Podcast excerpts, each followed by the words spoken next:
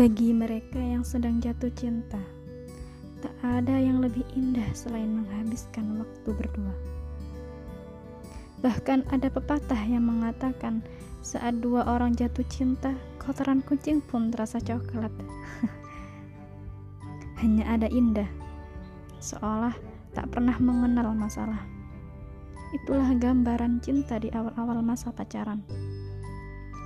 Sesuatu yang biasa saja, akan menjadi luar biasa ketika dijalani bersama yang dicintai. Begitu pula denganku saat itu. Tak ada yang lebih membahagiakan daripada menjalani hari-hari bersamanya. Jarak tak menjadi rintangan dan mahalnya pulsa bukan halangan. Aku rela tidak jajan demi bisa menabung untuk ongkos pergi ke kotanya. Itulah cinta. Orang boleh bilang mereka gila, tapi bagi seorang pencinta itu wajar biasa saja. Aku amat mencintainya. Tak ada yang lebih menggembirakan hari-hariku selain mendapatkan kabar darinya. Apa yang dia minta, aku kerjakan dengan senang hati, meski tak jarang keinginannya bertentangan dengan keinginanku. Pekerjaan yang paling sia-sia di muka bumi adalah menasehati orang yang sedang jatuh cinta. Kata Sujiwo Tejo.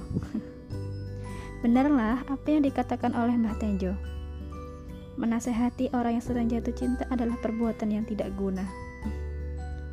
Apa pun yang kita ucapkan tak akan berpengaruh pada mereka yang hatinya dengan penuh cinta.